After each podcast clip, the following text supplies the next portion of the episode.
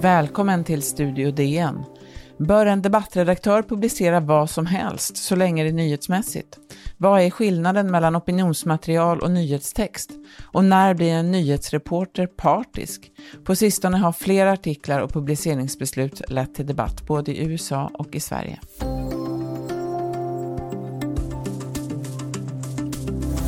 The editorial page editor, James Bennett, uh, has resigned from the Times. This is uh, something that seems like it was forced by the newspaper. But this is after days of basically internal revolt at one of the country's biggest newspapers about what opinions, about what points of view should be given space in the newspaper. Ja, det där var Brian Stelter på CNN som kommenterade händelserna på The New York Times, som den 3 juni i år publicerade en debattartikel av den republikanska senatorn Tom Cotton från Arkansas. Han är känd som en av de mer hårdföra senatorerna och hans text hade getts rubriken Send in the troops. Den handlade om möjligheten att sätta in militär mot demonstranterna i USA. Texten orsakade ramaskri på redaktionen och fick ledarsidans redaktör att avgå. På The Wall Street Journal har en tidigare chefredaktör omplacerats efter omfattande kritik och på Philadelphia Inquirer har reportrar massjukskrivit sig i protest, allt efter artiklar som på något sätt behandlat frågor om de pågående protesterna mot rasismen i USA. Här i Sverige fick en skribent sluta skriva för Sydsvenskans ledarredaktion efter eh, att ha twittrat på ett sätt som inte ansågs kompatibelt med tidningens linje. Det handlade också om protesterna i USA. Martin Jönsson, du är digital utvecklingschef på Dagens Nyheter och skriver ofta om medierna. Eh, om man börjar så här, vad är det för skillnad mellan en nyhetstext och en opinionsbildande text? Ja, för att svara på det måste man ha ett historiskt perspektiv därför att det har inte alltid varit en stor skillnad. Eh, de flesta tidningar i många länder, Sverige och England som började på 1700 och 1800-talet hade en väldigt tydlig politisk linje, eh, även nyhetsmässigt. Det var ideologiskt drivna tidningar.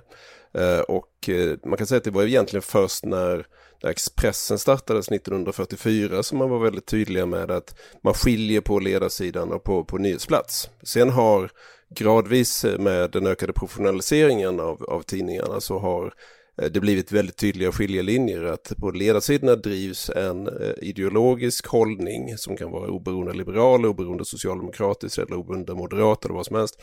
Medan nyhetssidorna eh, inte driver, det är inte så att de saknar åsikter men de driver inte en linje. Och det här har eh, ju ändrats också genom att tidigare var det ofta politiska partier som ägde tidningar i, i Sverige. Eh, och det var också först fram på 70-talet som det började avvecklas. Så att idag kan man säga att vi har en, en ganska tydlig uppdelning ändå mellan eh, en linje som drivs av tidning som är tidningens åsikt på ledarplats medan nyhetsplats är, eh, är, eh, sakkunnig och seriös eh, nyhetsrapportering som inte ska ta politisk ställning. Och det här är ju ungefär på samma sätt i många stora tidningar i, i världen. Om man går till, till New York Times och det som hände mm. där, vad var det som var så speciellt med Tom Cottons text ur, liksom, ur utgivarsynpunkt, ur redaktörssynpunkt? Om man läser själva texten i sig, så även om den innehåller en del, eh, till exempel påståenden om vilka demonstranterna är och hur våldsamma de varit och så vidare, eh, så var den egentligen inte så upprörande eh, i sak, därför att den var en genomgång av tillfällen då, eh, då presidenten och, eh, och regeringen har använt militär alltså bak till, till eh, John F Kennedy, hur det här har använts i USA. Eh, och uppmaningen Send in the troops fanns inte rakt ut till Cottons text utan det var, en, det var en rubrik som New Times eh, debattredaktörer hade satt på den. Eh, men den kom ju i ett läge då det här var och är otroligt uppjagat och det uppfattades som en uppmaning till våld mot demonstranter, vilket då New Times redaktion reagerade på väldigt, väldigt starkt. Och man kan ju också säga att de här protesterna, polisen har ju varit tuffa även mot journalister i många fall, så att, och New York Times har ju haft mängder av reporter ute här. Ja, det var ju också en, en invändning som kom i de första tweetsen var att nu blev det farligare att vara eh, svart reporter på New York Times. Eh, och överhuvudtaget att vara journalist under de här demonstrationerna har ju varit farligt. Vi har mer än 300 fall av, av våld mot, eh, mot media, mot journalister och CNN fick ett team eh, gripet till exempel. Så att det, det, det fanns fog för den oron. Däremot så, så är det ju ganska ovanligt att, så att säga, redaktionen protesterar mot vad som förs fram på debattsidorna som är ju en annan typ av åsiktsmaterial som är till för just externa människor, till för att skapa en bredd i innehållet. Och vi har, på Dagens Nyheter har ju också en debattredaktion eh, som påminner eh, om väldigt mycket om andra debattredaktioner världen över. Trycket på DN Debatt är ju väldigt högt och eh, eh, vi ser ju ofta makthavare komma in med, med texter och så där. Eh, men vilka chanser, vilka, vilka texter har liksom en chans att ta sig in på DN Debatt? vilka krav ställs på de texterna? Det finns en viss skillnad mellan skandinaviska debattsidor kan man säga och eh, angloamerikanska. Det finns en större nyhetsprofil eh, på de skandinaviska. Det har blivit ganska vanligt att makthavare till exempel eh, presenterar utredningar eller politiska förslag på debattsidorna. Så att de svenska debattsidorna, om vi håller oss till dem, är ofta mer nyhetsmässiga.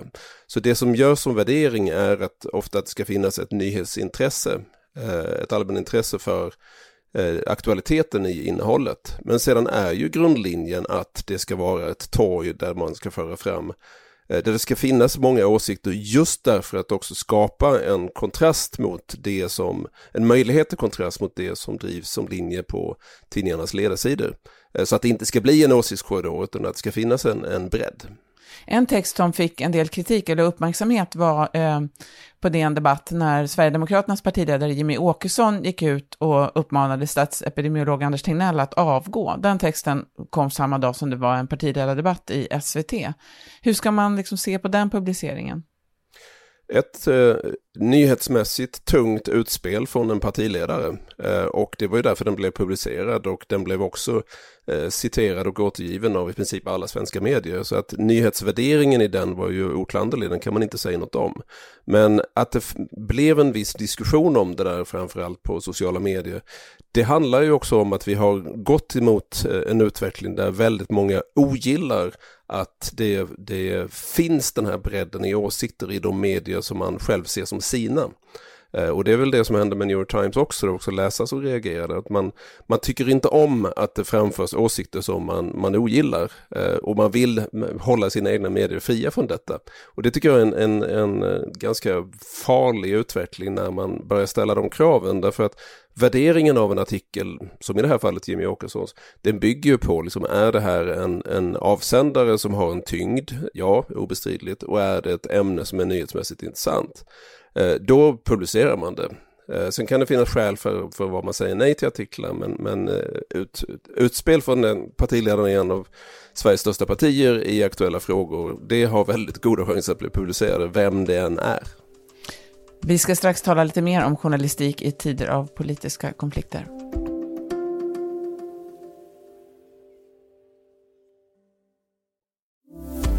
Vi talar om reportrar, redaktörer, vad man kan och inte kan göra. På Wall Street Journal, eh, som är på ledarplats en väldigt konservativ tidning, lämnade chefredaktören Jared Baker chefredaktörsposten för att bli en fri reporter för några år sedan. Sen fick han nu eh, kraftiga reaktioner när han skrev sånt som inga andra nyhetsreportrar kunde tillåta sig.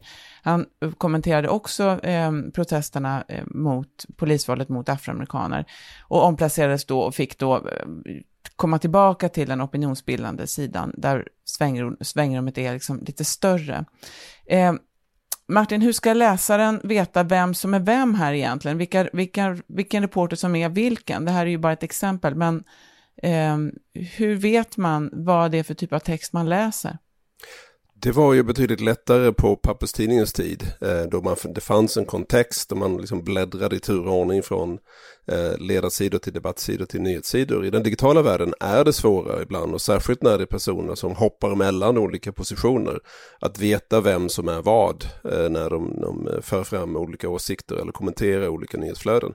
Vi har ju också fått ett, en utveckling med fler alltså, nyhetskommentatorer, alltså på nyhetsplats som kommenterar i sin, med sin expertroll olika saker som kan ha en, en politisk tyngd i alla fall. Eh, så att det, det är klart att det har skapats en, en osäker, osäkerhet och eh, för, jag tror det var 13-14 år sedan så, så skrev bland annat Bertil Torekull, tidigare chefredaktör på Svenska Dagbladet, en debattartikel just i DN där han tyckte att ledarsidorna skulle avskaffas eftersom det ändå har flyttat så mycket till, till nyhetskommentarsplats. Men att alla som skrev skulle varudeklareras vad de tycker.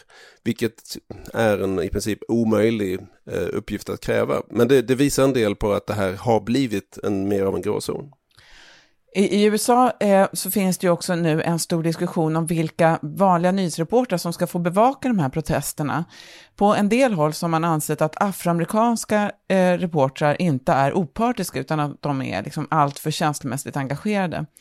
Det finns till exempel ett fall på Pittsburgh Post Gazette där man omplacerade en reporter efter ett inlägg som hon gjorde på Twitter. Eh, hon heter Alexis Johnson och hon är en av få afroamerikanska journalister på den tidningen. Och hon menar att hon kopplades bort på grund av sin hudfärg och för att hon då inte ansågs kunna rapportera neutralt. I eh, NPR så kommenterade mediereportern David Falkenflick det så här, följt av ett citat av Alexis Johnson själv.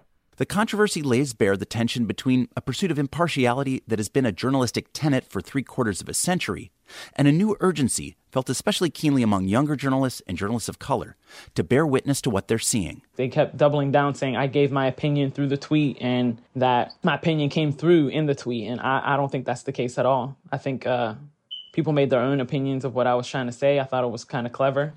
Martin, hur, hur kommer det sig, tror du, att vi ser det här just nu? När det gäller eh, frågan om polisövervåld och strukturell rasism eh, och specifik rasism i USA eh, så handlar det väldigt mycket om att det är en så otroligt explosiv fråga just nu. Den är så viktig i det amerikanska samhället. Eh, och då ställs de här frågorna på sin spets. Sen har naturligtvis utvecklingen av hela samhället gått mot en ökad polarisering och de sociala medierna har blivit också kanaler som har förstärkt detta och folk har väldigt mycket av sin identitet i sociala medier och det finns helt klart så en generationsskillnad bland journalister idag där yngre journalister har svårare att kunna separera och säga att jag ska inte för, framföra åsikter på på sociala medier om jag vill ha en trovärdighet som en, en, en nyhetsreporter som bevakar saker på ett objektivt sätt. Eh, så det är en ganska besvärlig situation men hela det här polariserade landskapet eh, som bland annat Ezra Klein från Vox beskriver i sin eh, nya bok Why We Are Polarized. Det gör att det här blir, det blir väldigt uppjagad stämning kring det här varenda gång det inträffar. Mm.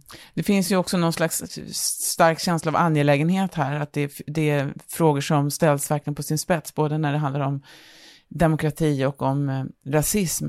Man säger ju ibland eh, journalism first, alltså att man ska tänka som en journalist i allra första hand och ta allting annat efter och att det är på det sättet som vi bygger liksom förtroendet för medierna.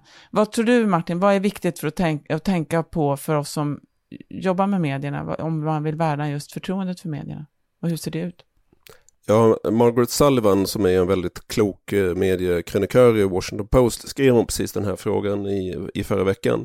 Eh, och där hon konstaterar att det är en självklarhet för tidningar och medieföretag att man står upp för rättigheter, man står upp för yttrandefriheten, man står upp, man står upp mot rasism och sexism och så vidare.